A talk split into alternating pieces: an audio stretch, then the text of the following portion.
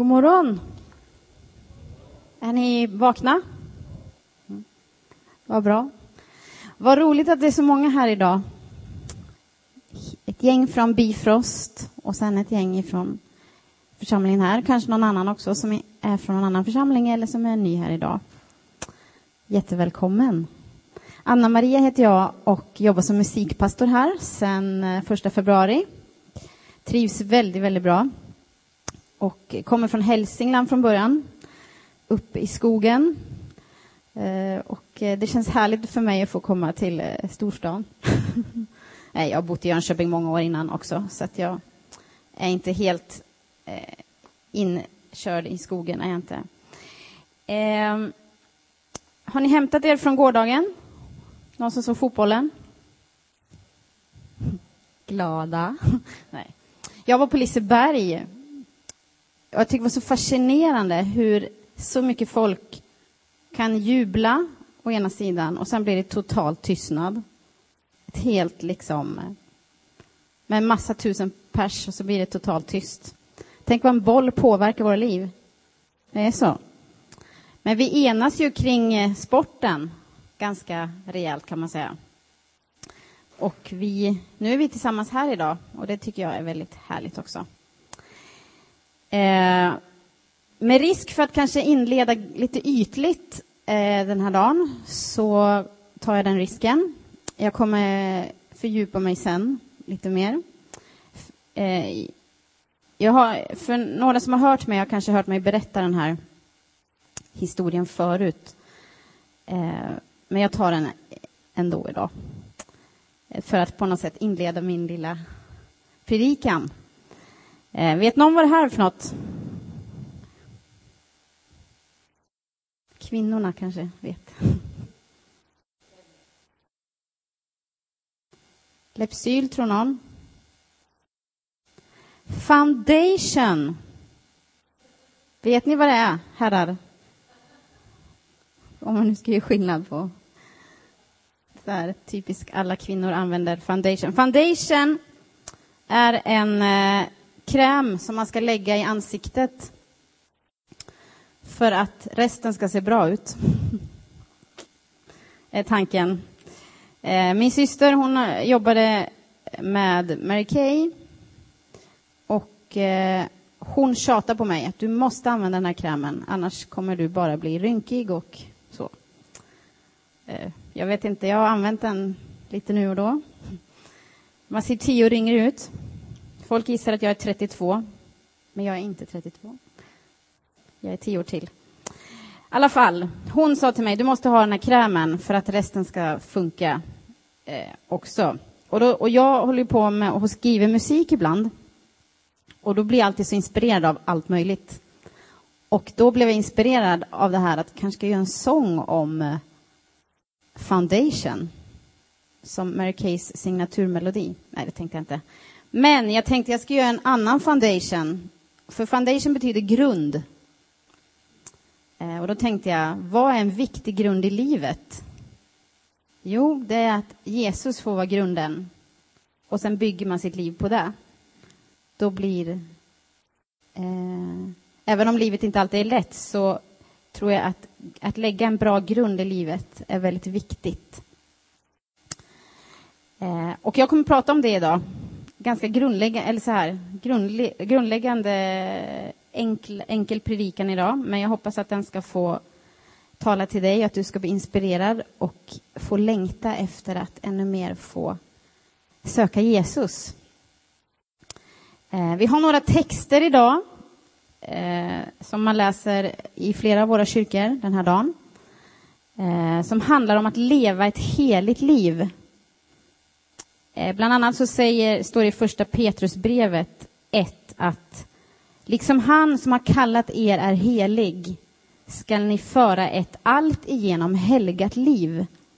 Det står skrivet, ni ska vara heliga, ty jag är helig. I ett annat bibelord för den här dagen så står det ifrån Matteus 5 och 20. Ni har hört att det är sagt till fäderna, du ska inte mörda. Den som mördar är skyldig inför domstol. Så långt vet vi kanske. Men jag säger er, Jesus alltså, den som är vred på sin broder är skyldig inför domstol. Och den som säger till sin broder, ditt dumhuvud, är skyldig inför Stora rådet. Och den som säger, din dåre, är skyldig och dömd till det brinnande Gehenna. Tuffa ord, va? De står i Bibeln. Sen står det i psalm 15. Herre, vem får vistas i ditt tält? Vem får bo på ditt heliga berg? Den som lever fullkomligt och handlar rättfärdigt. Den som talar sanning av hjärtat. Den som inte baktalar med sin tunga, inte handlar illa mot sin nästa och inte vanära sin granne och så vidare. Allt det här är sant. Allt det här är uppmaningar till oss att leva ett heligt liv och leva gott mot varandra och inför Gud. Men sammanfattningsvis är det ganska tuffa texter. Eh, och Jesus han är ganska skärpt när han skärper lagen i Matteus. Du ska inte ens säga något illa om din broder, för då är du dömd. Dömd. Och jag vet inte vad såna här texter gör med dig. Jag känner ibland när jag läser de här att Jesus, hjälp mig. Det här är omöjligt att kunna leva efter. Jag vet ju hur jag själv är, hur jag ofta misslyckas med att tänka saker om andra människor, med att säga saker kanske. Då känner jag, jag har inte en chans. Jag behöver Jesus.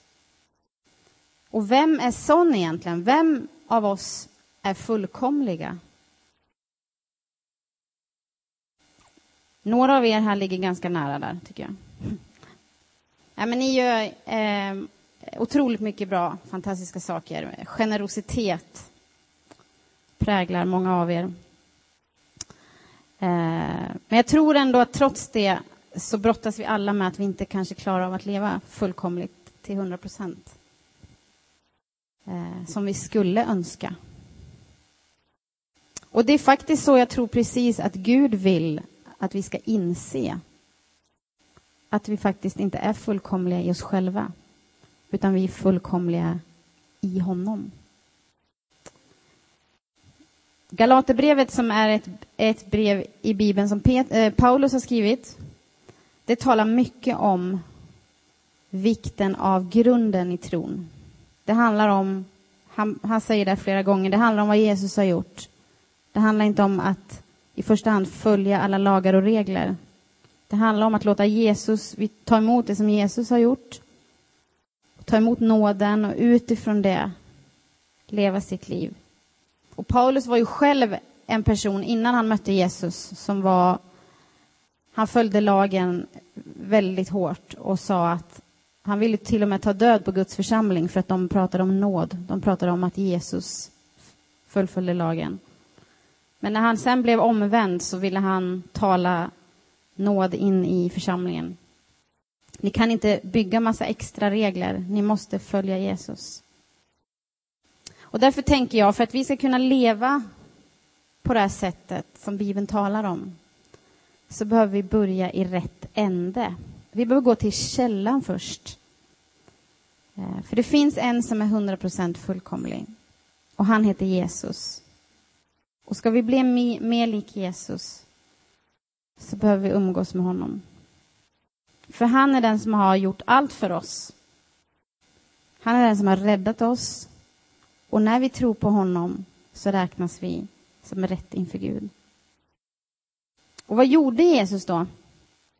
Han levde ju för andra människor. Han gav sitt liv för hela världen. Men det var framför allt också någonting han inte missade när han gick här på jorden.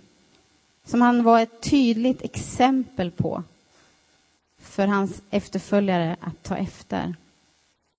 Och det var att ta tid med Fadern. Att ta tid med Gud. Och det kan vi läsa om på flera ställen, hur han gick undan för att vara med Fadern. Han säger bland annat i Johannes 5 och 19 Sonen kan inte göra något av sig själv. utan bara det han ser Fadern göra. Vad Fadern gör, det gör också Sonen. Jesus var alltså beroende av Gud, fast han själv var Gud. Den får man klura lite på. Men de arbetade rätt tajt tillsammans, kan man säga. Och hans grund i allt han gjorde, det var det han såg Fadern göra. Om han behövde vara själv med Gud, så behöver vi det ännu mer. Och jag brukar ofta säga när jag predikar att jag talar minst lika mycket till mig själv som till dem jag talar till. Så att vi är alla i samma båt här. Men han vill att vi ska utgå ifrån livet med honom. Och Lukas evangeliet tar upp sex olika tillfällen när Gud, eh, Jesus tar tid med Gud. Och jag kommer ta upp kort bara fyra av dem. Eh, tre är från Lukas och ett är från Matteus. Och säger bara någonting kort om varje och den sista kommer jag prata lite längre om bara. Inte så länge, ni behöver inte vara rädda. Eh, men i Lukas 2 i Lukas 2 kan vi läsa om hur Jesus var i templet som tolvåring. Och på hemvägen, när hans föräldrar tror att han är med i resesällskapet, så visar det sig att han inte är det. Och de börjar leta efter sin son. Och de letar och letar och efter tre dagar, tycker jag också är intressant, efter tre dagar hittar de honom i templet. Och som jag kan förstå, som eh, mamma blir man ju orolig eh, och undrar vart är mitt barn? Eh, och de frågasätter ju såklart, va, varför följer du inte med hem? Varför är du kvar här? Och då säger eh, Jesus så här, varför har ni letat efter mig? Visste ni inte att jag måste ägna mig åt det som tillhör min fader? Vi har inte jättemycket kunskap om Jesus efter det, eh, alltså hans ungdomstid och så. Eh, mer senare när han börjar eh, undervisa och sådär. Men, men han visste vid tidig ålder vad som var viktigt. Vad det var han var kallad till. Vem som var hans första prioritet. Det är ett tillfälle. Vid ett annat tillfälle så står det i Lukas 6 och 12. Vid den tiden gick Jesus upp på berget för att be. Och han var, i, i nat, eh, i hela, han var hela natten i bön till Gud. Och efter det här tillfället så står det att han, han valde ut tolv lärjungar. Och det kanske han verkligen behövde eh, visdom till för att veta vilka det skulle vara. Men det som också är intressant kring den här versen, det är att precis innan han går iväg och ber, så har han precis helat en man på sabbaten. Och det fick man ju absolut inte göra för fariseerna, för de blev jättearga. Och på något sätt kan man ju om man nu vill använda sin fantasi lite, att man kan tänka att det stormar ganska rejält kring Jesus. Och vid den tiden gick han för att be. Det kanske kan vara en hint till oss också, att mitt när det stormar så kan vi gå undan för att be. Ett tredje tillfälle är i Lukas 11 och då står det så här från vers 1. En gång var Jesus på en plats och bad. När han hade slutat sin bön sa en av lärjungarna, Herre, lär oss att be. Liksom Johannes lärde sina lärjungar. Och så lär han dem en bön som vi idag ber ofta i våra kyrkor, som heter Fader vår. Här kan vi se att Jesus ger ett exempel på bön och fokus på bön. Och att han ber inspirerar antagligen lärjungarna. Vi vill lära oss mer om bön. Hjälp oss, lär oss. Vi vill vara som dig, Jesus. Vi vill söka Gud också, som du gör. Det sista exemplet jag tänkte ta Eh, är från Matteus. De andra exemplen i Lukas får ni leta upp själva. Jag är lärare också, så jag brukar ge hemläxa. Då kan ni leta upp dem själva sen. Matteus 26 har vi ett väldigt eh, speciellt tillfälle när Jesus är i bön. Det är Matteus 26 eh, från vers 36.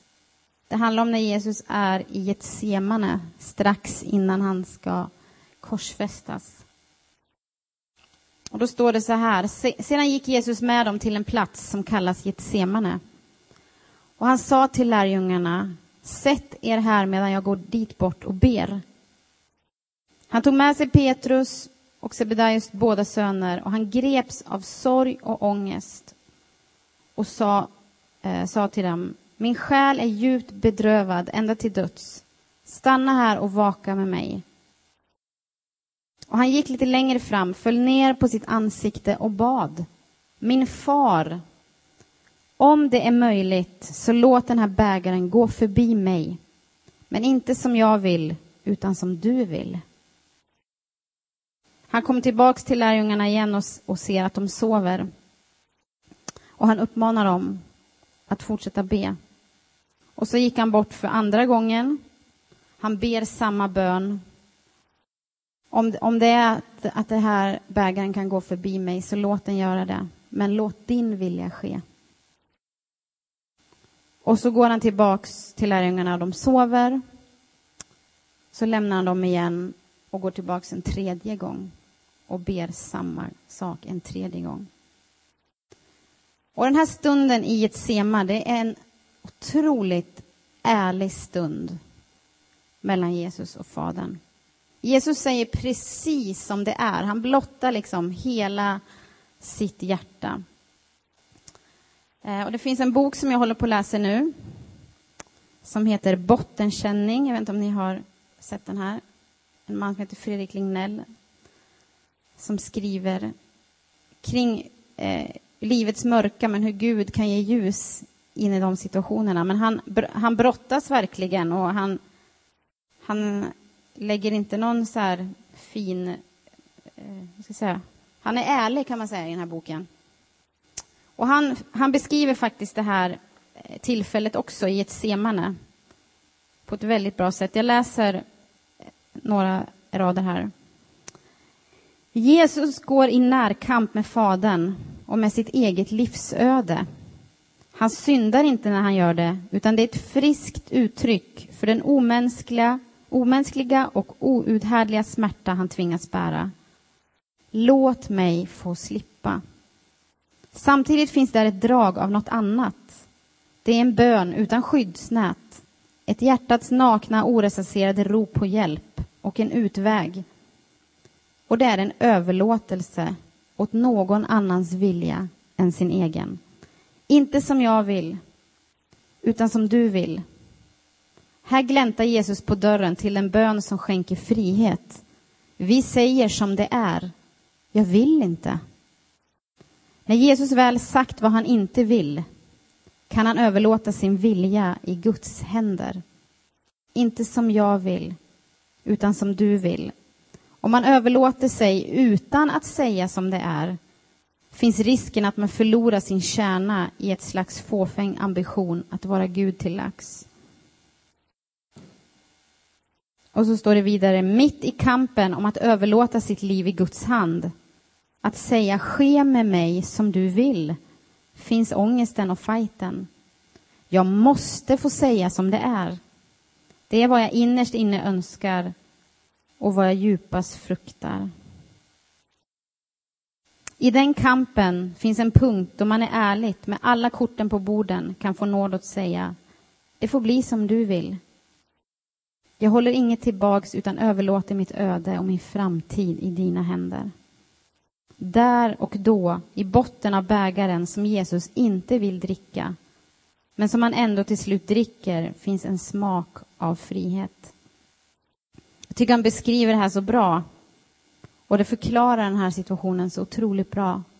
Jesus är så totalt ärlig. Jag vill inte. Men låt det ske som du vill. Och här tror jag också att vi har en, en, ett exempel på vikten av ärlighet med Gud. För är vi inte ärliga mot Gud, då kan han inte heller gå in och göra det djupaste han vill i våra hjärtan. Så du får vara hur ärlig du vill med Gud, han tål det. Och jag tror att det är jätte, jätteviktigt för relationen. Jesus var det, vi får också vara det. Och varför predikar jag om det här idag? Jo, det är för att visa på att Jesus utgick från relationen med Fadern genom hela sitt liv. Det var liksom grunden för hela hans liv och hela hans tjänst. Och det står i en kommentar som jag läste, att en sån här bok där man förklarar eh, bibeltexter, står det så här, om någon skulle ha klarat sig utan bön så skulle det ha varit Jesus. Men något som var det mest karaktäristiska för honom som människa var gemenskapen med Fadern i bönen. Så när han är ung så stannar han i templet istället för att gå hem med sina föräldrar. Därför att han, han hade eh, en prioritet att han ville vara nära Fadern. Som jag sa innan så går han undan när det stormar omkring honom och söker Gud och ber. Han söker också Gud för sina lärjungar. Han drog sig ofta undan efter stora folksamlingar. Istället för att liksom bli hyllad kanske för att han hade gjort något stort så drog han sig undan för att han ville vara med Gud. Och i sin mörkaste stund av ångest så ber han Jag vill inte, men låt din vilja ske. Och jag tror att i alla livets situationer så behöver vi eh, och får vi söka Gud. För det är där som vi hittar den sanna källan till livet. Och utifrån den relationen, utifrån tron på honom så kan vi leva heligt. Så kan vi älska människor till och med människor ibland som vi kanske tycker är svårt att älska, de kan vi älska. Vi kan se vårt nästa på ett helt nytt sätt. Och vi kan tala gott om varandra. För i Jesus så blir vi fullkomliga. Det är han som förvandlar våra hjärtan så att vi kan leva ett heligt liv.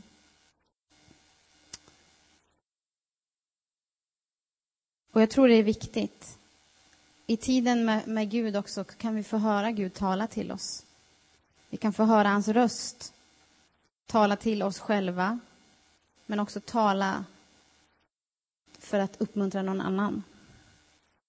Och jag tror att det är viktigt när vi möts som Guds församling tillsammans, oavsett vilken församling vi tillhör, att vi vågar ge Gud utrymme att tala, att våga ge Gud utrymme att få, få verka i våra liv och att vi tillsammans får söka honom.